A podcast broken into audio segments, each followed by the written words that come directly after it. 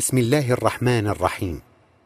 الحمد لله رب العالمين والصلاة والسلام على سيدنا محمد رسول رب العالمين وعلى آله وأصحابه أجمعين. مستمعي الأكارم السلام عليكم ورحمة الله وبركاته. لازلنا نتحدث في سلسلة الحلقات التي تدور حول أسرار السبع المثاني. وقد انتقلنا في آخر حلقاتنا إلى الحديث عن الصلاة وارتباطها بالسبع المثاني. الحقيقة لابد لنا من الوقوف عند الصلاة قليلا والتفصيل فيها لا سيما والصلاة عماد الدين. أشرنا سابقا إلى أن للصلاة سننا لا بد من أدائها لتكون صلاتنا كاملة على الوجه المطلوب. وبينا بعضا من هذه السنن التي تسبق أو تتلو الصلوات الخمس المفروضة. الآن سنذكر بعضا من الصلوات المسنونة والحكمة منها. فنقول وبالله المستعان. من الصلوات التي سنها المصطفى عليه أفضل الصلاة وأتم التسليم صلاة الضحى. إن صلاة الضحى ركعتان. لأن الفترة طويلة بين صلاة الفجر وأذان الظهر ففيها وصل بالله خشية الانقطاع لطول الفترة بين الفجر والظهر. يقوم المؤمن أو المسلم بصلاتها لتبقى صلة نفسه بربه متينة. قال تعالى في سورة المعارج الذين هم على صلاتهم دائمون. وبذلك تكون هاتان الركعتان محطة استزادة وتذكر في أوج انشغال النفس في نهارها بالأعمال الدنيوية لكي لا يغفل عن ذكر الله بين صلاة الفجر وصلاة الظهر. ومن الصلوات المسنونة أيضا صلاة الاستخارة. فما هي هذه الصلاة؟ وما تعرفها؟ وكيف نؤديها؟ إن صلاة الاستخارة ركعتان. ويفضل أن يكون المصلي في صفاء النفس كما في قيام الليل أو بعد الاستيقاظ لتكون صلاته صحيحة ونفسه أنقى لتطبع فيها الحقيقة من رب الحقائق. قال تعالى في الحديث القدسي الشريف يا عبادي كلكم ضال إلا من هديته فاستهدوني أهدكم. وتؤدى صلاة الاستخارة حينما يعجز المرء عن إدراك الخير في أمر من الأمور. عندها يلتجئ بصلاته إلى من التجأ إليه الصحب الكرام رضي الله عنهم إلى المصطفى صلى الله عليه وسلم. الذي علمهم الكتاب والحكمة. فإن لم يصل إلى درجة أهل التقوى فإنه يشعر شعورا. إما بالانشراح والاطمئنان القلبي إلى تنفيذ الأمر الغيبي ويكون فيه عندها الخير أو يشعر بالانقباض والضيق بتوجهه في الصلاة إلى هذا الأمر المعضل. فيعرف أن السم في الدسم. وأن هذا الأمر لا خير فيه فيرفضه ويعلم أن الله سيمن عليه بخير منه. وهناك دعاء يدعونه بصلاة الاستخارة. اللهم إني أستخيرك بعلمك وأستقدرك بقدرتك فإنك تعلم ولا أعلم وتقدر ولا أقدر وأنت علام الغيوب. اللهم إن كنت تعلم أن هذا الأمر وتسمي حاجتك خير لي في ديني ودنياي وعاقبة أمري فيسره لي إلى ما تحب وترضى. اللهم وإن كنت تعلم أن هذا الأمر شر لي في ديني ودنياي وعاقبة أمري فاصرفه عني واصرفني عنه وقدر لي الخير حيث تشاء وردني به. والحمد لله رب العالمين. ننتقل الآن في الحديث إلى إحدى الصلوات المسنونة وهي صلاة الاستسقاء. فما هي هذه الصلاة؟ صلاة الاستسقاء هي ركعتان من قلب صادق. لما كانت الغاية من حبس المطر وما يؤول إليه ذلك من غلاء في الأسعار ونقص في الأنفس والثمرات وجوع وخوف من بعد أمن. لما كانت الغاية من كل ذلك أن يرجع الإنسان عن غيه ويرغب إلى ربه تائبا عن المعاصي كافا عن الشرور والآثام مجتنبا أهلها. كانت صلاة الاستسقاء صلاة التوبة والأوبة عن المعاصي إلى الطاعات. طلبا للمغفرة. وهي صلاة استغفار عما صدر من الناس من أخطاء أو معاص حتى حل عليهم الغضب من الله فمنع هطول المطر من السماء. قال تعالى في سورة السجدة ولنذيقنهم من العذاب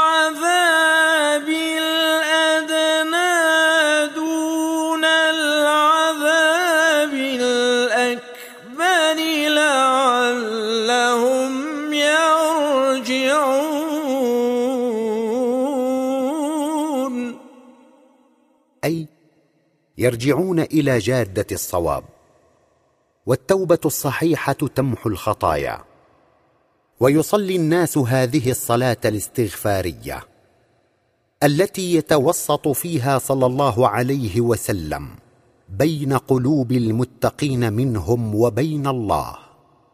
عسى الله أن يقبل توبتهم وأوبتهم.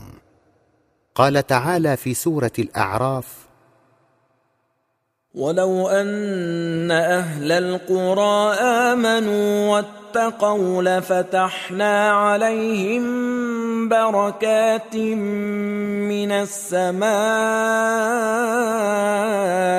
والارض فمتى عاد العبد عن المعصيه والخطا؟ عاد الله عليه بالعطاء والاكرام الجسمي والقلبي يتم في صلاة الاستسقاء الشفاء والعطاء للمؤمنين.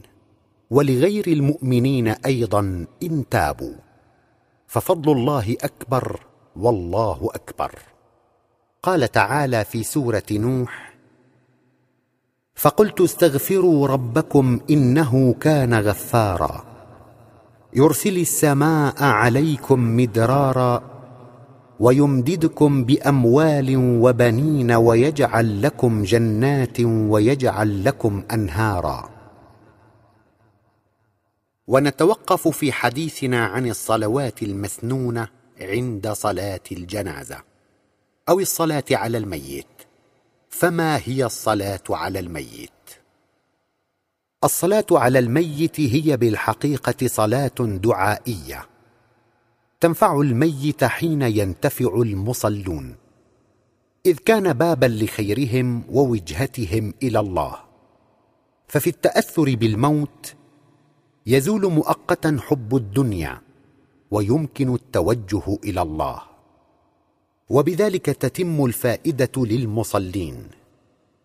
وتعود الفائدة عندها للمتوفى. فتتم الراحة والرحمة حقا عليه. أما كيفية الصلاة على الميت فهي أربع تكبيرات. بعد التكبيرة الأولى نقرأ سورة الفاتحة وبعد التكبيرة الثانية نقرأ الصلوات الإبراهيمية وبعد التكبيرة الثالثة ندعو للميت وبعد التكبيرة الرابعة ندعو الدعاء المأثور فنقول اللهم لا تحرمنا أجره ولا تفتنا بعده واغفر لنا وله. ونختم الصلاة بالتسليم. ننتقل الآن إلى نقطة هامة متعلقة بالصلاة وتثير التساؤل لدى الكثير وهي مسألة الجهر والإسرار في الصلاة. رب سائل يسأل فيقول ما الحكمة من الجهر بالصلاة ليلا؟ والتخافت والإسرار بها نهارا. وفي الجواب على ذلك نقول لقد ورد الأمر بالجهر بالصلاة ليلا والتخافت بها نهارا في القرآن الكريم بسورة الإسراء حيث يقول سبحانه وتعالى قل ادعوا الله أو ادعوا الرحمن ايما تدعوا فله الأسماء الحسنى. ولا تجهر بصلاتك ولا تخافت بها وابتغ بين ذلك سبيلا. ولا تجهر بصلاتك. أي في النهار. ولا تخافت بها. في الليل. وابتغ بين ذلك سبيلا. أي سبيلا موصلا إلى الله. إذ أن من قوانين النفس البشرية أنها ليلا تأنس بصوتها وتسترسل وراء قولها. وذلك يظهر جليا إن أصاب الإنسان شيء من الخوف ليلا. فتراه يطرب نفسه بسماع صوته ولو لم يكن مطربا أو جميلا أو أن يحدث نفسه بصوت مرتفع قوي ليشغلها عما حولها. أما في النهار وقد سطعت الشمس وظهرت الدنيا بزينتها وانشغل المرء بما حوله من تجارة أو زراعة أو صناعة وباجتماعه بالناس لذا ترى طبيعة النفس البشرية في هذه الحالة تميل إلى الهدوء وترغب فيه وتأوي لذاتها هروبا مما يشغلها. اذا تتحقق الفائدة المرجوة والنفع القلبي من الصلاة بالجهر ليلا والمخافتة بها نهارا وتمكنها من الوجهة لربها. وتلك من قوانين النفس التي وضعها لها تعالى ولا تبديل لقوانين الله.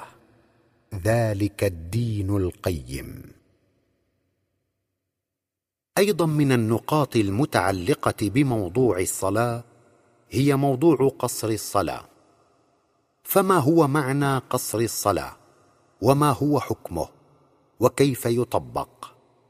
وفي الجواب على هذه التساؤلات نقول ورد في الأثر عن رسول الله صلى الله عليه وسلم أن فرض الصلاة ركعتان زيدت في الحضر وأقرت في السفر وذلك ما أشارت إليه الآيات الكريمة من سورة البقرة. قال تعالى ومن حيث خرجت فول وجهك شطر المسجد الحرام وإنه للحق من ربك وما الله بغافل عما تعملون ومن حيث خرجت فول وجهك شطر المسجد الحرام وحيث ما كنتم فولوا وجوهكم شطرة. فالرسول صلى الله عليه وسلم مأمور بالتوجه نحو الكعبة. ونحن مأمورون بالتوجه نحوه والارتباط القلبي به صلى الله عليه وسلم. ولم يتكرر لفظ الآية مرتين. ومن حيث خرجت فول وجهك شطر المسجد الحرام إلا إشارة إلى أصل الصلاة المفروضة وهي ركعتان. وهي الفرض الحتمي لحياة القلب. وما السنن والركع الأخرى في فروض الصلوات الخمس إلا مساعدات تثبيتية مفروضة حتى تتحقق هذه الفريضة تامة كاملة للحياة القلبية. ففي حالات الخوف كالسفر أو الحرب تجتمع النفس مع الفكر فتحقق هاتان الركعتان الفرض. إذ أن في حالات الأمن في الأحوال العادية تشرد النفس ولا تثبت لها وجهه لذا شرع تعالى قصر الصلاة عند الخوف في حال السفر أو الحرب أي حالات الخوف فقط. قال تعالى في سورة النساء واذا ضربتم في الأرض فليس عليكم جناح ان تقصروا من الصلاه ان خفتم ان يفتنكم الذين كفروا. إن الكافرين كانوا لكم عدوا مبينا. وقال سبحانه في سورة البقرة حافظوا على الصلوات والصلاة الوسطى وقوموا لله قانتين. فإن خفتم فرجالا أو ركبانا فإذا أمنتم فاذكروا الله كما علمكم ما لم تكونوا تعلمون. فإن خفتم فرجالا أو ركبانا تنوي ملتفتا موجها نفسك نحو إمامك إلى الكعبة. لترتبط برسول الله صلى الله عليه وسلم ثم تتجه حيث ما سرت. والصلاة بتلك الحالة ركعتان جامعتان للقلب على الله بمعية الإمام صلى الله عليه وسلم النفسية. قال تعالى فإذا أمنتم فاذكروا الله كما علمكم ما لم تكونوا تعلمون. اذا الركوع السجود. كل هذه الأعمال موجودة في القرآن. الله تعالى هو الذي شرع لنا كيفية الصلاة. كل ذلك من عند الله.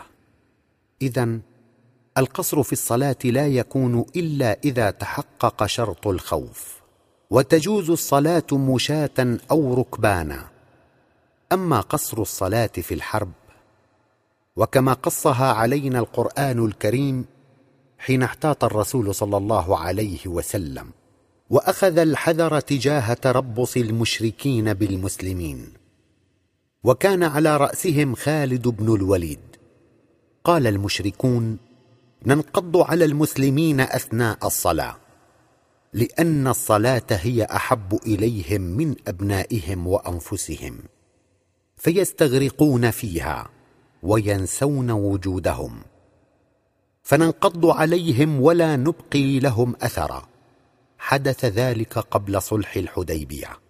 فجاءت الآيات تبين كيف صنع رسول الله صلى الله عليه وسلم بأمر من الله.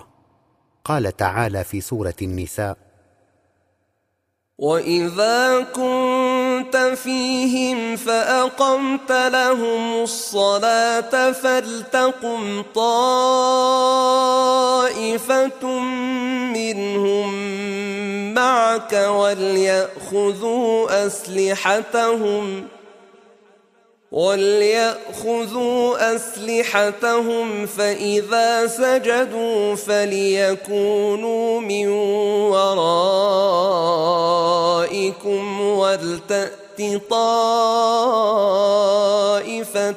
أخرى ولتأت طائفة أخرى لم يصلوا فليصلوا معك وليأخذوا حذرهم وأسلحتهم. الآخرون يحرسونكم. إذا صلى الرسول صلى الله عليه وسلم الركعتين الأوليتين مع نصف الجيش كما ورد في القرآن الكريم والنصف الثاني حمل السلاح بالأهبة القتالية القصوى. فلم يتمكن خالد بن الوليد من الانقضاض عليهم بسبب الحراسة الشديدة. وحينما تلا صلى الله عليه وسلم التحيات في الركعتين الأوليتين ختم النصف الأول من الجيش صلاته بالتسليم وأخذ سلاحه ومكانه من النصف الآخر وتولى الحراسة المشددة.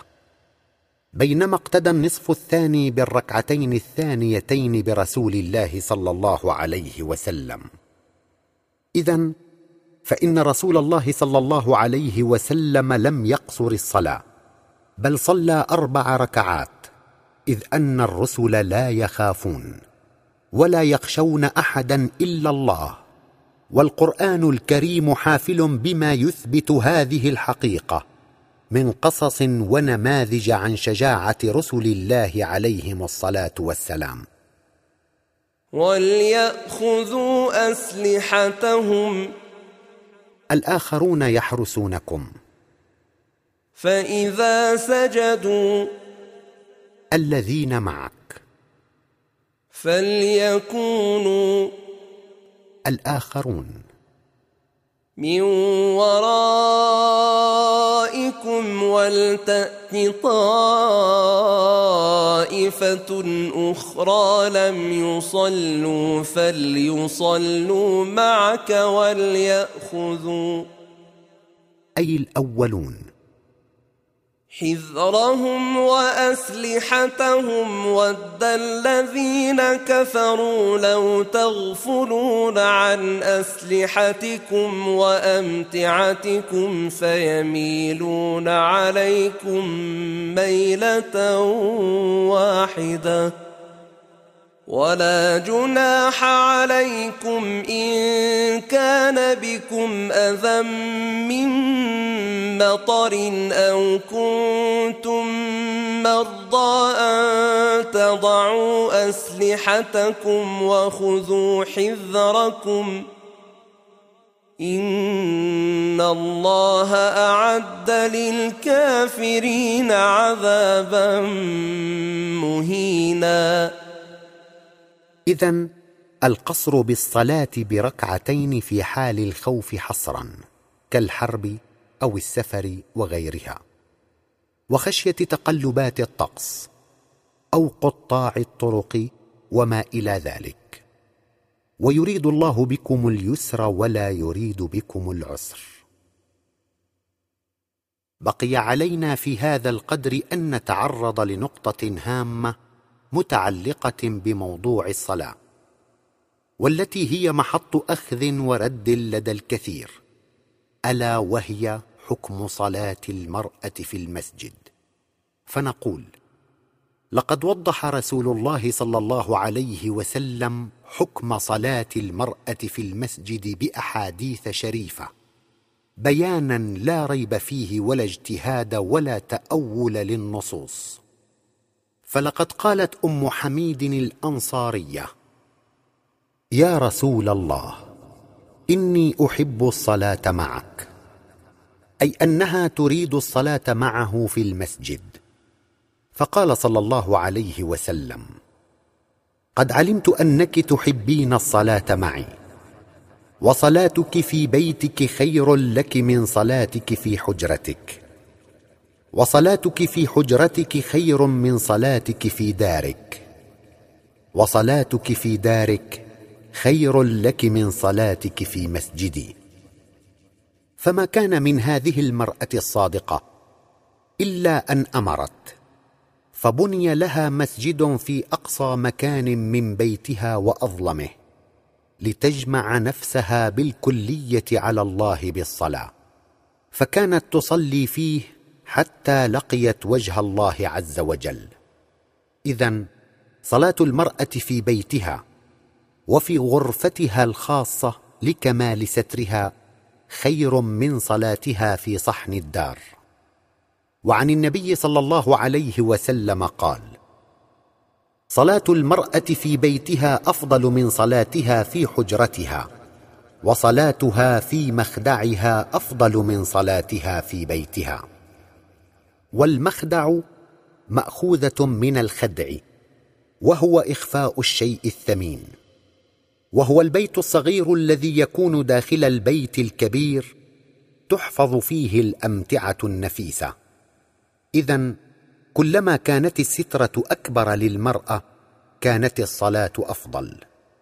قال صلى الله عليه وسلم المرأة عورة. فإذا خرجت استشرفها الشيطان. أي استقبلها وزينها في نظر الرجال ليغويها ويغوي بها وليوقع أحدهما بالفتنة فالهلاك.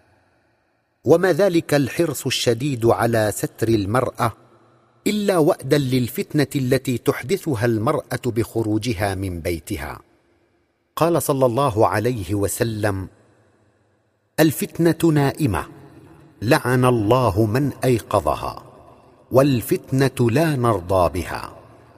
أو كما قال وهذا ما يؤكده قول الله الكريم في سورة الأحزاب. قال تعالى وقرن في بيوتكن ولا تبرجن تبرج الجاهلية الأولى وأقمنا الصلاة وآتينا الزكاة وأطعنا الله ورسوله. إنما يريد الله ليذهب عنكم الرجس أهل البيت ويطهركم تطهيرا. واذكرن ما يتلى في بيوتكن من آيات الله والحكمة. إن الله كان لطيفا خبيرا. اذا أمر الله تعالى للنساء أن يظللن في بيوتهن. يقمن الصلاة ويؤتين الزكاة لأنفسهن. ويطعن الله ورسوله ويذكرن ما يتلى عليهن في بيوتهن وليس في المسجد من آيات الله والحكمة ذلك شرع الله تعالى. فاستفت قلبك ولو أفتاك المفتون وأفتوك كما قال الصادق الأمين صلى الله عليه وسلم. ونحن لا نسير إلا بكتاب الله وما سنه رسول الهدى صلى الله عليه وسلم. فللرجال مجال وللنساء مجال آخر في دين الإسلام. ولا نرضى بأن تكون المساجد متاحف يختلط الرجال فيها بأم الدنيا أي المرأة. فيتحول القلب عن الله وعن الصلاة الصحيحة فتخرب القلوب. إذ الدنيا والآخرة كالضرتين لا تجتمعان. فإذا اجتمعتا فقد قضينا على الدين من أصله ولن نقبل بقول البشر عن قول الله العظيم. ومن أحسن من الله حكما لقوم يوقنون. وهو الذي أنزل الكتاب مفصلا وتبيانا لكل شيء. أما بالنسبة لحجابها في الصلاة فلا تجوز صلاتها وشيء من جسمها مكشوف سوى وجهها ويديها حتى تصح وجهتها. ومن هنا ينبغي أن تتباعد في غرفة داخل غرفة في البيت كما أمر رسول الله صلى الله عليه وسلم.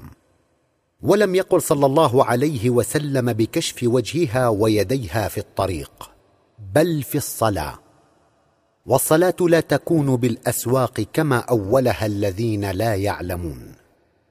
وما دون ذلك من إباحة لكشف وجه المرأة فهو ما يريده الذين يتبعون الشهوات لكم ولنا أي الهلاك. وأن تميلوا عن جادة الحق والصواب ميلا عظيما فكشف وجه المرأة حرام لأنه يزيل بذلك الحجاب. والله سبحانه وتعالى يقول في سورة الأحزاب وإذا سألتموهن متاعا فاسألوهن من وراء حجاب. والحجاب هو ما يحجب الرؤية تماما. أما عن لباس المرأة اللون الأبيض الساتر لجسمها وشعرها في الصلاة فلكي تنحصر وجهتها إلى الله.